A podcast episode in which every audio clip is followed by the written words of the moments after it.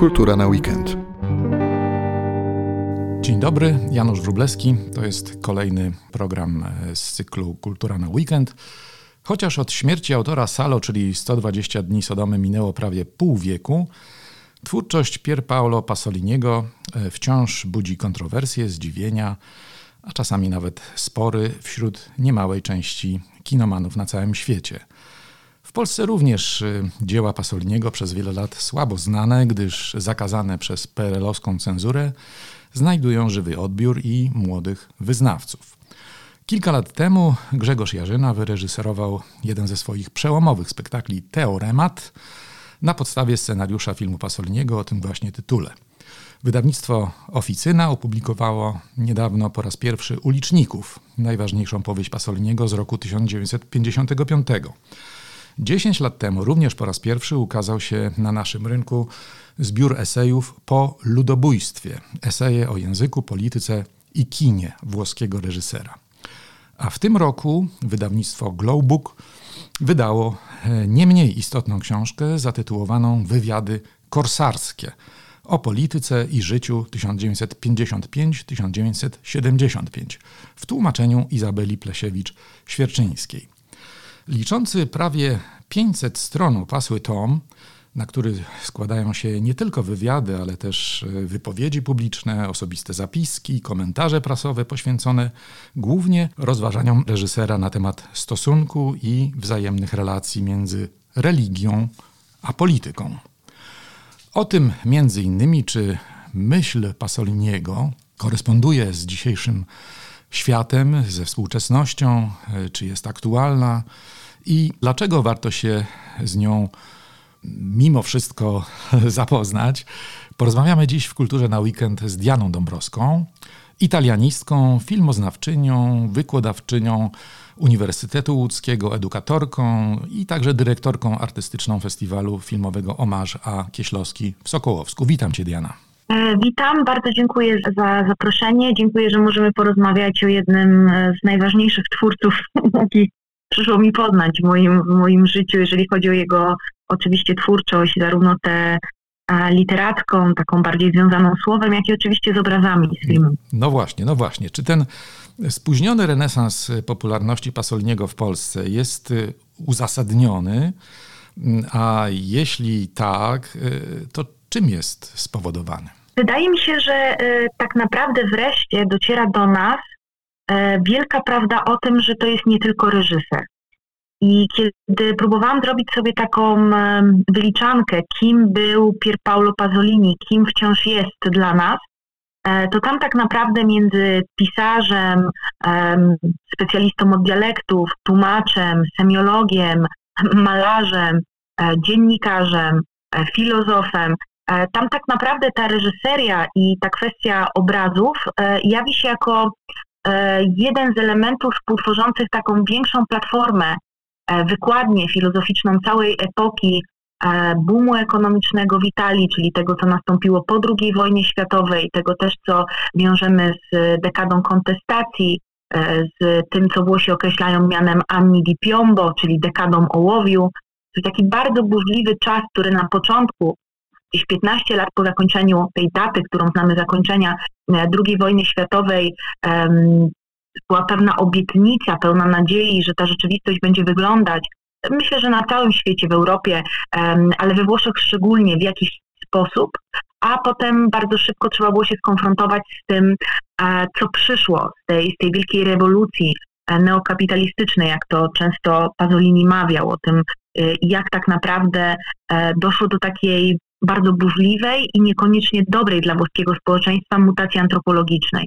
I teraz e, poznając e, Pazoliniego literata, Pazoliniego, który tutaj e, uracza nas bardzo kontrowersyjnym niekiedy, bardzo ostrym słowem, to jest coś, czego brakowało. I wydaje mi się, że to, co zrobiło to, to wydawnictwo wspomniane przez Ciebie, wydawnictwo Globuk, docierając do kuzynki Pier Paula Pazoliniego, wydając kompleksowo mm, te wszystkie rozmowy, bardzo często naprawdę mało znane rozmowy i wydaje mi się, że e, jest to taki bardzo mocno uzupełniony tom tych rozmów, bo też e, z tego, co udało mi się dowiedzieć, kuzynka Pasoliniego, pani Graciella Chiarcossi też użyczyła jakichś różnego rodzaju notatek, e, które nie zawsze jakby mm, w tych wydaniach międzynarodowych były obecne. Także rzeczywiście jest to takie dzieło kompletne, które pozwala nam spojrzeć na gdzieś wnętrze Pasoliniego, to znaczy na ile on się mógł przed nami otwierać. Wydaje mi się, że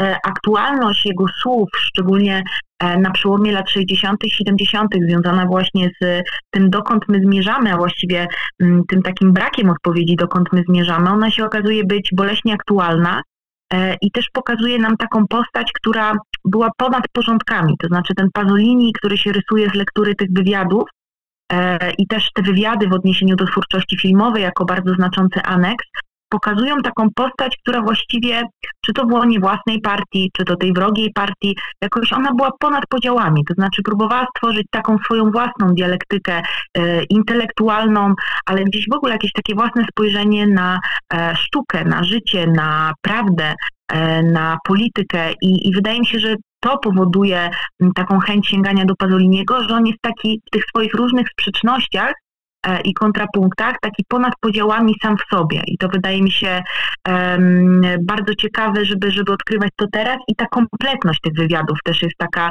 oczarowująca, że tak powiem, bo to rzeczywiście jest taka e, bardzo głęboka lektura, gdzie widzimy z dekady na dekadę też jak sam Pazolini się zmieniał, jak na przykład stawał się coraz bardziej, jak on to mówi, pozbawiony nadziei, bardziej krytyczny, i wydaje mi się, że to też jest taka ciekawa podróż przez ludzką duszę, te, te 20 lat tych rozmów, ankiet, e, wypowiedzi, listów itd., tak itd. Czy to bycie ponad podziałami i aktualność, o której mówisz, należałoby jednak bardziej umiejscawiać w kontekście kultury włoskiej i przemian politycznych y, tamtego kraju, czy jednak tutaj zachodzą jednak jakieś powinowactwa i y, możemy to y, w jakiś sposób trawestować na, na, na naszą sytuację, odczytywać go z polskiej perspektywy i co, co, co z tego można zobaczyć?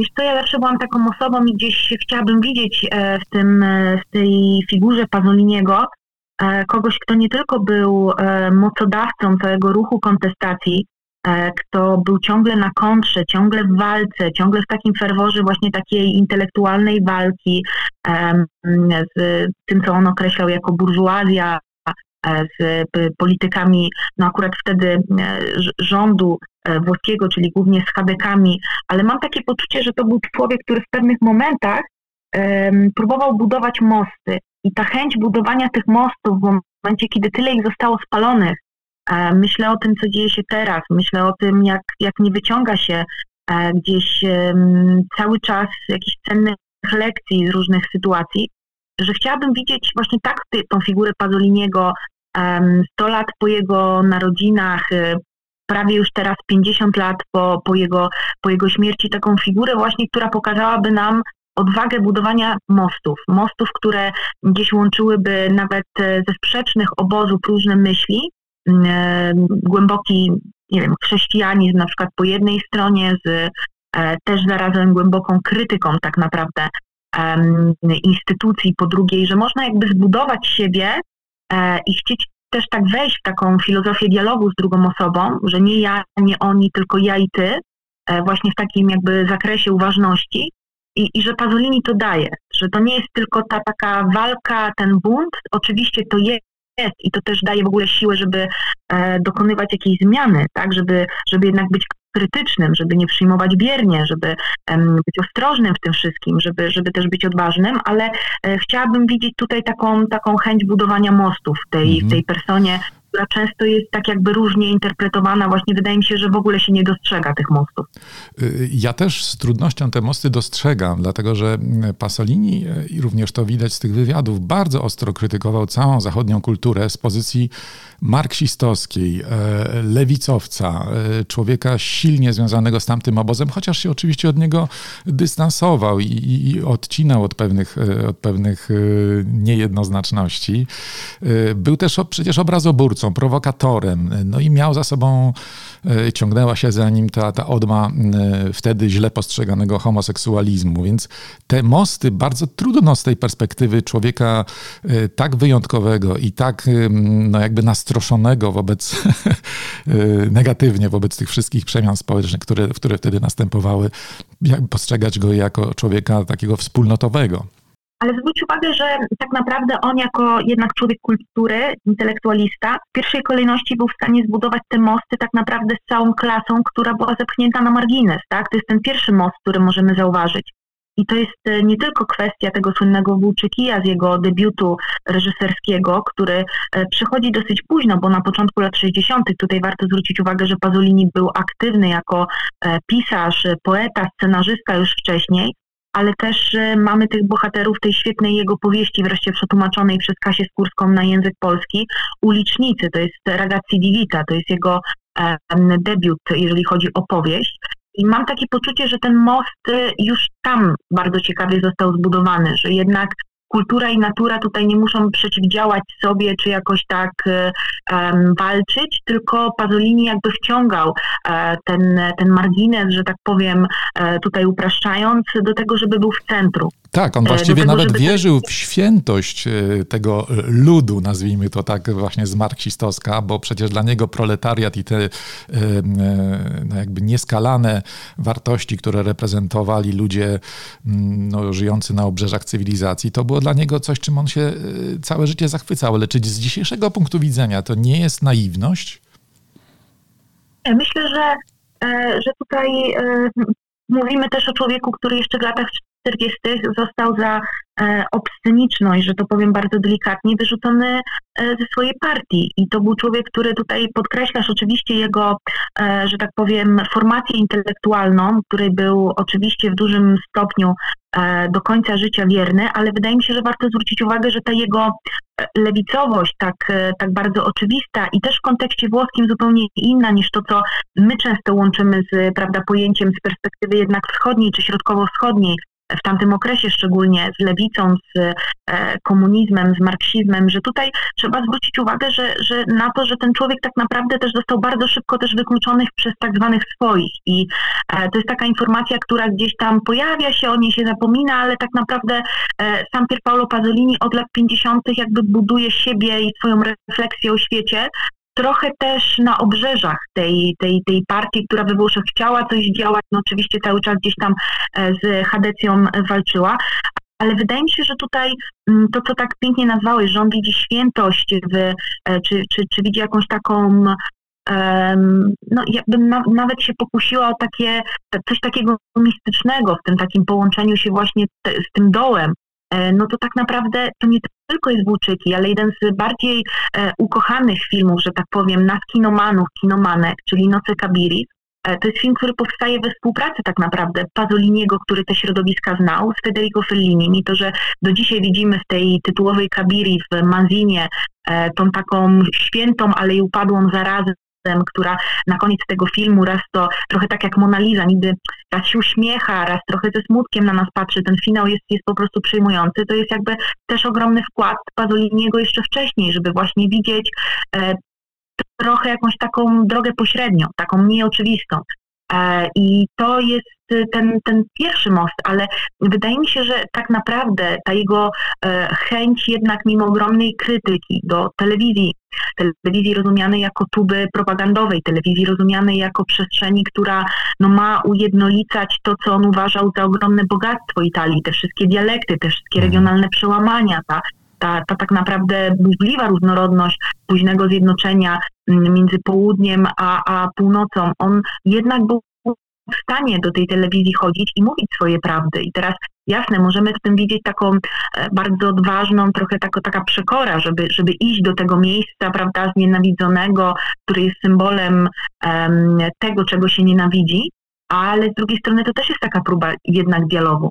E, I, I wydaje mi się, że możemy w wielu miejscach takie, e, tak, tak inaczej interpretować trochę te jego zachowania, że w tym wszystkim, mimo tego, że on głosił, że nie ma nadziei, że to jego życie trochę profetycznie zmierza ku nicości, tak się rzeczywiście stało przedwcześnie, to życie jest takie niedopisane, to znaczy ono się cały czas dopisuje, jakby mam wrażenie e, i też stąd ten taki jakby Pazolini e, profeta, Pazolini filozof, myśliciel, to wszystko jakby ta ostia wciąż trwa, jak to Włosi mówią, w kontekście jego przecież śmierci nagłej. Do tego, do tego, zaraz, do tego, zaraz, do tego zaraz nawiążemy, do tej legendy o jego śmierci i, i potwor, potworności zabójstwa Pasoliniego. Natomiast jeszcze chciałbym, żebyśmy dokończyli ten wątek jakby rezonowania myśli Pasoliniego z, ze światem dzisiejszym, bo jego obsesją, i to też bardzo wyraźnie widać, i on tego nigdy nie ukrywał, był, jak to nazywał, faszyzm konsumpcji.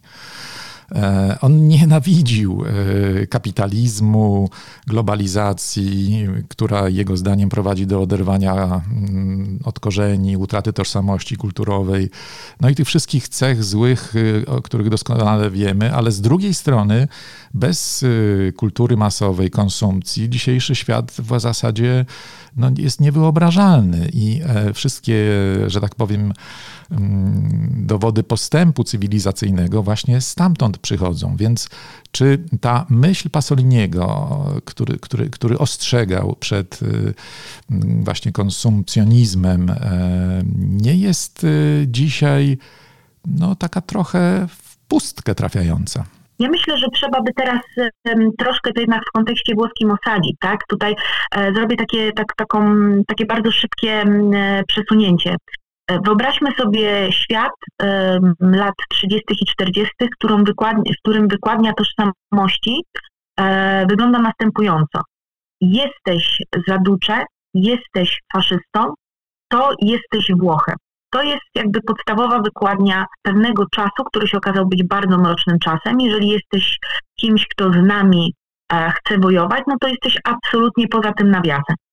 I teraz Włochy, jak wiemy, wchodzą z inną zupełnie e, myślą, e, z innym nastawieniem do e, konfliktu II wojny światowej.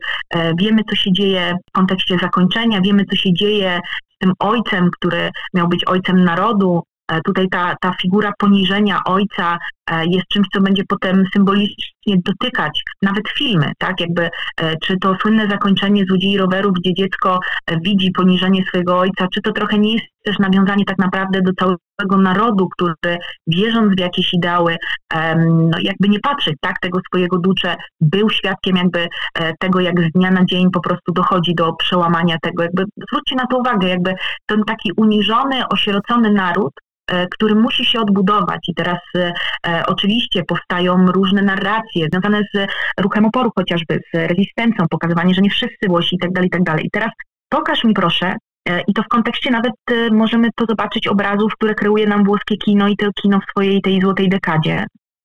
Który kraj Europy Zachodniej, czy w ogóle jakby inne takie wyobrażenie tamtego okresu przeskoczył tak bardzo szybko E, bez, bez tak naprawdę wnikliwych reform. Od początku lat 50. do końca lat 50.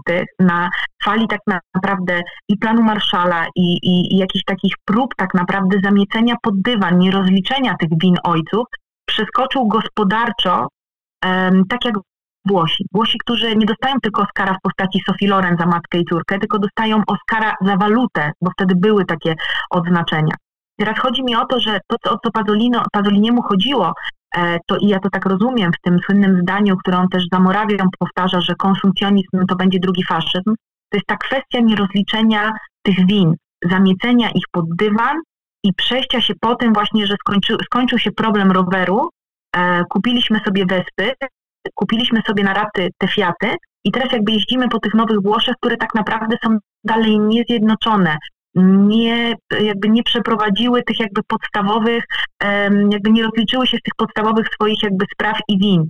I chodziło o to, mm, co potem tak naprawdę będzie ważne dla wielu e, twórców tamtego okresu. Tutaj trzymam się głównie filmu, bo to, bo to jest akurat to, co mnie najbardziej interesuje, ale tutaj absolutnie się zgadzam z tym, co mówił Michelangelo Antonioni, który też będzie wielkim krytykiem tych wszystkich przedmiotów, które zaczynały mieć większą wartość egzystencjalną i ciężar niż ludzie, więc, bardziej czuły, czuły grawitację niż niektóre błąkające się po kadrze postaci, tak wystarczy pomyśleć o przygodzie czy zaćmieniu, że ten świat tak szybko przeskoczył w niespełna 10 lat do tego, że lądujemy na Księżycu, do tego, że mamy po prostu to, to wolare, prawda, to latanie stało się takie tak bardzo e, symboliczne i tak bardzo przeskakujemy, że zapomnieliśmy, że tak naprawdę nasze marzenia, lęki, traumy, rozterki są dalej na poziomie Homera że ten dysonans, który ten człowiek współczesny ma, ten człowiek, który się odbudowuje po tej tragedii II wojny światowej, że to jest człowiek tak pęknięty i to pęknięcie będzie tylko wzrastać, aż po prostu y, ta dziura, która powstanie,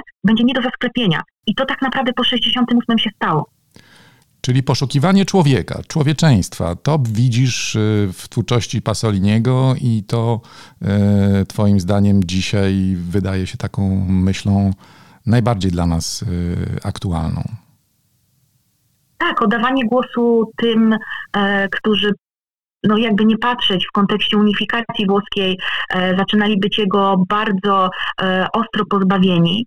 E, I też warto zwrócić uwagę, że w ramach tych sprzeczności Pasoliniego to jest oczywiście człowiek, który e, pierwszy napisałby jakiś pean antyprzedmiotom, rozumianym jako te, te fetysze współczesności, ale też człowiek, który na przykład miał te samochody, które tak bardzo nienawidził. Myślę, że też miał pralkę, podobnie jak Adorno, która nie bardzo jakby była gdzieś tam ulubiona, bo już e, kojarzyła się z tym, że nie wiem, w małych włoskich mieścinach panie już się nie zbierały przy rzece, już nie śpiewały swoich pieśni, nie, nie jakby wspólnie nie prały i to było gdzieś tam przełamanie kulturowe, ale wydaje mi się, że warto zwrócić uwagę, że on nocami wsiadał do tego samochodu, zapraszał do nich swoich przyjaciół pochodzących z zupełnie innej klasy społecznej i gdzieś zwiedzał po prostu ten Rzym właśnie tak, tak trochę tak na przekór, tak, że e, to, to, co on tak bardzo gdzieś e, krytykował, też sam był tego dysponentem. I mam wrażenie, że e, Pasolini był bardzo tego świadomy, że tak naprawdę jest to taka podwójna gra, że nie sposób jakby od tego wszystkiego uciec. I oczywiście są plusy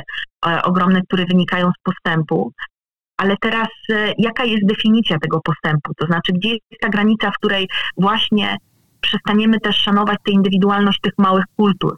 Mhm. E, I ten prowincjonalizm stanie się czymś, co musi zostać całkowicie um, unicestwione, mhm. E, a przez jego twórczość przywrócone. E, on zaczął kręcić filmy stosunkowo późno, bo w wieku 40 lat i wcześniej i później w zasadzie uważał się głównie za człowieka piszącego, za literata, intelektualistę. A, a czym było dla niego kino tak naprawdę? Czy też takim orężem walki w tej swojej krucjacie przeciwko cywilizacji i, i burżuazji? Ja myślę, że e, to jest kolejny element tych, tych kontrapunktów egzystencjalnych Pasoliniego, bo tak naprawdę w kontekście kina jako no, tej sztuki XX wieku, która e, budowała e, sferę widzialności świata, rozumienia świata, jakiejś w ogóle identyfikacji, to tak naprawdę on korzysta w pewnym momencie z tego medium, które no, tak naprawdę jakby determinowało tę wrażliwość świata. I podoba mi się sposób, w jaki on to robi. E, lata mijają, tak naprawdę staram się odkopywać różne perełki, czasami mniej jakoś tam zagubione, e, zapomniane włoskiego kina, ale wydaje mi się, że jestem Pazolinim e, jakaś taka niesamowitość, że gdy już wielu twórców tak naprawdę um, oczywiście odrobiło tą lekcję neuralistyczną Zavattiniego i De Sici, ale ich twórczość powędrowała w zupełnie inną stronę. Pomyślmy o Fellinim, Antonionim, Viscontim nawet, to Pasolini właśnie zaczyna jakby z takiego klucza, tak jakby czas się zatrzymał i robi właśnie taki neorealistyczny film. Jeden, drugi, wystarczy pomyśleć też o Mamie Romie, która była zaraz później. Y, tak, ale za chwilę zmienia estetykę, zmienia gatunek, y, tworzy filmy oparte na literaturze i to tej dawnej, y, średniowiecznej i jeszcze dawniejszej, nawiązuje do Biblii, więc to są zupełnie te dwie jakby... Ale mam, mam wrażenie, że to tak naprawdę jest ta sama lekcja. To jest ta sama lekcja, która każe upatrywać e, we włoskim neorealizmie czegoś bardzo uniwersalnego, związanego z tym, że estetyka może być połączona z etyką i to, że to jest robione e, w takim, a nie innym stylu, nawet to jego spojrzenie na mitologię, na, na Biblię, na, na różnego rodzaju takie lektury kultury jak Decameron, to jest jednak coś, co wynika jakby z tego, jak on bardzo wziął sobie do serca te lekcje i, i że on był temu absolutnie wierny, ale też jest tak naprawdę wciąż mniej znany ten Pasolini dokumentalista, który korzystając nawet z możliwości zrobienia zdjęć próbnych w różnych przestrzeni, miejsc, ludzi do, do tych swoich filmów, tak naprawdę stawał się antropologiem, stawał się etnografem. Ja muszę przyznać, że po latach chyba moim ukochanym filmem Pazoliniego, oprócz oczywiście Decameronu, bo zawsze jeżeli mogę być za życiem, to, to będę za życiem i u Pazoliniego też to chcę widzieć, e, to jest taki film Zgromadzenia Miłosne z 1964 roku, w którym Pazolini, reporter, pyta się Włochów na różnych plażach, w różnych miejscach o to, jak widzą e, tę rzeczywistość e, e, przełomu tutaj boomu ekonomicznego, jakie mają pragnienia, jakie mają marzenia, czym dla nich jest seks, czym dla nich jest erotyka, godność. Oczywiście możemy spojrzeć na jego twórczość jako taki zmieniający się byt, to znaczy ta mutacja też dotyczyła może wyglądów e, jego, jego filmów, bo też e, no, innym filmem jest Włóczyki, a innym będzie na przykład Teoremat czy Chleb, ale wydaje mi się jednak, że Pasolini w swoim artystycznym mianowniku jest cały czas wierny tej takiej podstawowej tezie, którą właśnie bierze od Zavattiniego i od De Sichi, czyli tych ojców założycieli włoskiego neorealizmu, w którym to zespolenie etyki i estetyki jest właśnie tym neorealizmem. Także mm, ja uwielbiam patrzeć na Pasoliniego jako na kogoś, kto e, był takim antropologiem życia. I oczywiście jednym z moich takich ulubionych filmów, gdzieś tam bardzo ważnych jest e, jego spojrzenie na Decameron, czyli pierwsze ogniwo trylogii życia, ale jest i po latach zaczynam go coraz mocniej doceniać, takie, takie dzieło gdzieś tam zapomniane w twórczości Pasoliniego i w ogóle rzadziej się patrzy na Pasoliniego jako dokumentalistę, reportażystę, e, etnografa czy antropologa filmowego. To jest taki film Zgromadzenia Miłosne, Comici d'amore, taki jest włoski tytuł, to film z 1964 roku, w którym Pasolini pokazuje się przed kamerą, wychodzi czy to do dzieci, czy do osób starszych, czy do młodych kobiet, czy do starszych kobiet, czy e, do ludzi z południa, czy mm, z północy, z wschodu, czy, czy zachodu Włoch, e, poprzez różne plaże. Tam plaża jest takim leitmotivem, zresztą plaża to jest takie ulubione miejsce filmowe lat 60. dla wielu włoskich filmowców, obowiązkowa we włoskim kinie. E, tego okresu, tego, tego długiego lata tej, tej złotej dekady i pyta się o to, dokąd ten kraj zmierza, jakie są e, przemyślenia bardzo różnych osób na temat edukacji, erotyki, e, czym dla ludzi jest godność wtedy, jakby co, jak chcieliby, żeby Włochy wyglądały. I wydaje mi się, że ten zapis też e, jeżeli go połączymy z lekturą tego, co jest w tych wywiadach korsarskich, że Pasolini jest właśnie takim twórcą, który nie mieści się jego myśl i, jego wrażliwość i jego nawet krytyka tym jednym medium, tylko należałoby na to spojrzeć jako na wykreowaną przez niego szerszą platformę znaczeń, w której mm, te różne ogniwa czytają się przez siebie. I ten kompletny Pasolini, jeżeli w ogóle można E, tak starać się powiedzieć, jako jego totalności, w tym jego też przekleństwie e, tej różnorodności, że on się czyta właśnie e, w pełni poprzez te media, czyli kino poprzez literaturę, literatura poprzez te reportaże wspomniane i, i, obrazy, które malował i, i że to jest wszystko ze sobą zespolone i też tak ja lubię patrzeć na Pasoliniego. Na pewno jako na, na figurę, która czyta się przez różne E, media i jest też czytana do dzisiaj na przykład, kiedy współcześnie we Włoszech bardzo intrygujący mi jest nurt różnych komiksów, które powstają na temat Pasoliniego. Moim ulubionym jest ten, w którym to jest zresztą taka figura retoryczna, która powraca współcześnie, też widzieliśmy to w kinie. Co by się stało, gdyby jednak człowiek przeżył? E, mieliśmy przecież filmy pokazujące, co by się stało, gdyby Adolf Hitler teraz nagle powrócił, czy Mussolini, bo też taki film zrobili. A to jest taki właśnie taka lektura, w której okazuje się, co by było, gdyby Pazolini jednak okazało się, że nie byłoby tej osy. I mamy tego Pazoliniego dzisiaj i ten komiks jest o tyle ciekawy, że właściwie e, całość tych wypowiedzi, które widzimy, tego Pazoliniego, które wpisuje się w tą rzeczywistość dzisiejszą, jest zaczerpnięta właśnie między innymi z wywiadów korsarskich i na tym można rozpatrywać ich aktualność, uniwersalność, czasami przerażającą, czasami błogą, że to wciąż jakby ten sam Pasolini mówi tymi samymi słowami i one mm. pasują do dzisiejszego świata. No właśnie, zaczęłaś mówić o, o, tej, o tym kontekście jego, jego mm, tragicznej śmierci. E, to jest kolejny aspekt budujący legendę Pasoliniego. Przypomnijmy, to było brutalne morderstwo na plaży właśnie, o której wspominałaś, w nocy. Artysta został zabity przez swojego kochanka, ale legenda głosi, że stał za tym spisek polityczny i to w zasadzie jest śmierć niewyjaśniona do dzisiaj, tak? No, to delitto Pasolini, bo tak jest to określane, to rzeczywiście jest sprawa, która do teraz jest czymś, co karmi wyobraźnię filmowców, bo powstały też na ten temat filmy i na pewno lektura tych wywiadów pozwala też przyjrzeć się temu, jak Pasolini pod koniec swojego życia i to są te wywiady już bardziej z lat 70., jego wypowiedzi, jego um, takie wypowiedzi bardzo ostre na temat ówczesnej kasty politycznej. Pamiętam takie jego zdanie, że gdyby podnieść e, twarze e, ówczesnych polityków, innymi Giulia Andreottiego, jednego z najważniejszych polityków w ogóle no, minionego wieku, jeżeli chodzi o włoską historię, siedmiokrotnie premier Włoch, wielokrotnie minister, jedna z takich figur, która rzeczywiście była cały czas u władzy. I bohater firmy Sorrentino.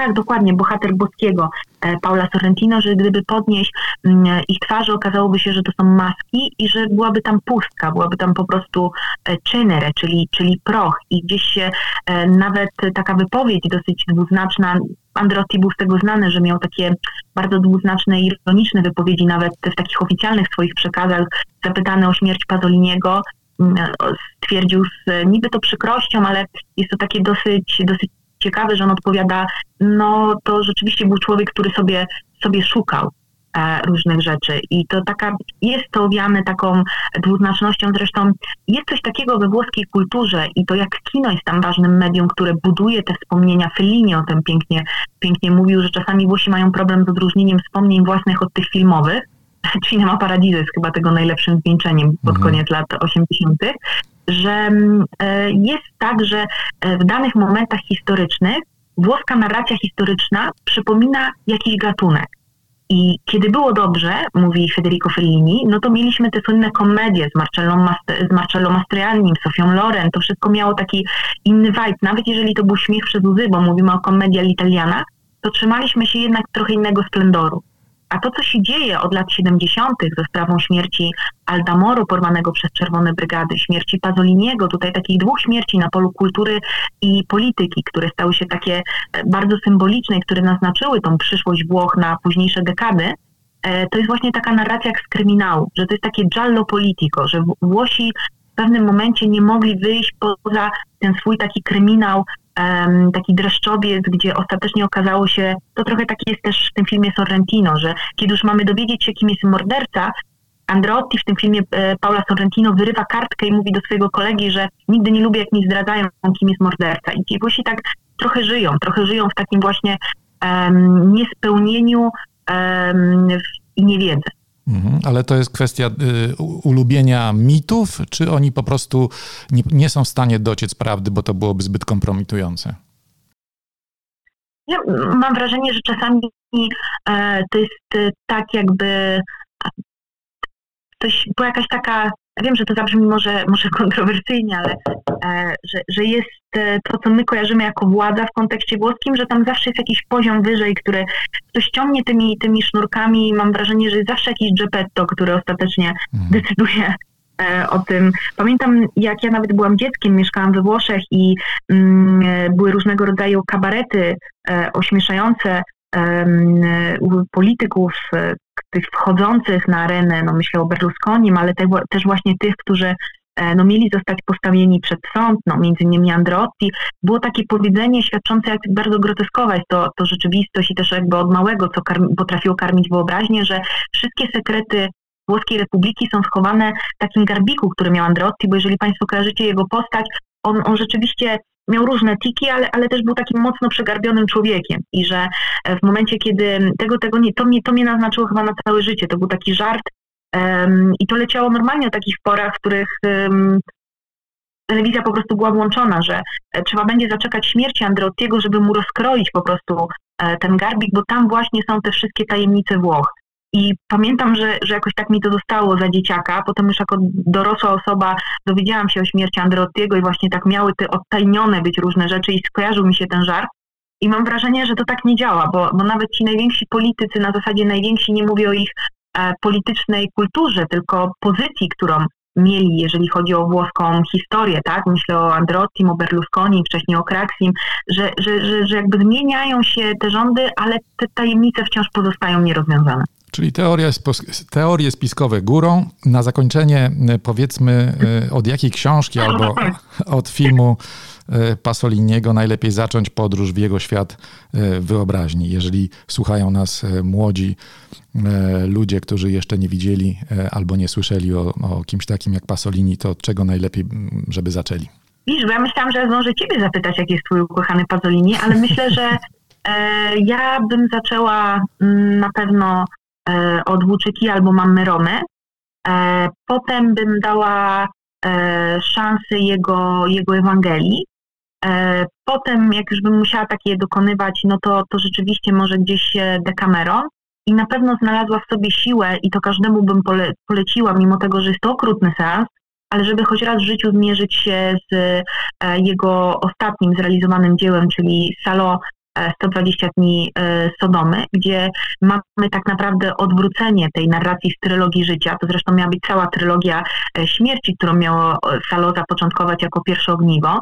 Ale warto zwrócić uwagę, że mamy sytuację, w której ludzie jak w Decameronie spotykają się po to, żeby uciec przed zarazą i opowiadać jakby Mm, czerpać życie z opowiadania historii, z takich życiodajnych, budujących narracji, to tutaj w Salo mamy taką sytuację, w której e, kasta i, i oczywiście tutaj wiemy, o kim Pazolini mówi, ale tak naprawdę można na to spojrzeć o wiele szerzej, zaczyna opowiadać historie, które służą upodleniu człowieka, e, zabraniu mu godności, zabraniu mu życia i jak właściwie tak się żegna Pazolini, w którym te, te, te same słowa, które były budujące, i które e, za tą słynną myślą Wittgensteina, że granice naszego świata to tak naprawdę granice naszego języka, jak ten sam język może tak naprawdę tworzyć e, takie światy, takie budowle, taką architekturę znaczeń, która będzie wyniszczająca i jak tak naprawdę te pierwsze sensy kreują się w języku. Także zaczynamy od takiego Pazoliniego w obrazach, ale myślę, że Pazolini byłby tym pierwszym, który by powiedział, że na początku było słowo, Dlatego też wydaje mi się, że takim ciekawym aneksem mogą być do tej lektury filmowej ta lektura właśnie tych wywiadów, żeby wiedzieć, e, gdzie Pasolini wtedy był intelektualnie, co się w jego życiu działo i żeby sobie to tak uzupełniać jako taki aneks do tego życia, które od początku było e, naznaczone takim widmem, widmem śmierci. Ja z kolei polecam rozpoczęcie tej wędrówki od y, dwóch filmów y, z mitologii greckiej, to znaczy Edyp, y, znaczy król, król Edyp i Medea. Wydaje mi się, że to są takie najbardziej ponadczasowe, uniwersalne jego opowieści, które bez czytania ideologicznego one działają e, w sposób niezwykle, niezwykle mocny. Będziemy kończyć naszą rozmowę. Dziękuję bardzo za, za mm, e, wspaniałe e, objaśnienie wszystkich kontekstów twórczości, może nie wszystkich, ale większości kontekstów twórczości mm, Pier Paolo Pasoliniego. Państwa zachęcam do, do lektury. Naszym gościem była Diana Dąbrowska, italianistka, E, filmoznawczyni. E, dziękuję bardzo, a Państwa zapraszam za tydzień na kolejny podcast e, Polityki. Cieszymy się, że słuchasz naszych podcastów. Powstają one m.in. dzięki wsparciu cyfrowych prenumeratorów. Dołącz do grona naszych subskrybentów, aby słuchać tekstów z polityki w wersji audio oraz mieć pełny dostęp do tygodnika i jego wydań specjalnych. Szczegóły na polityka.pl.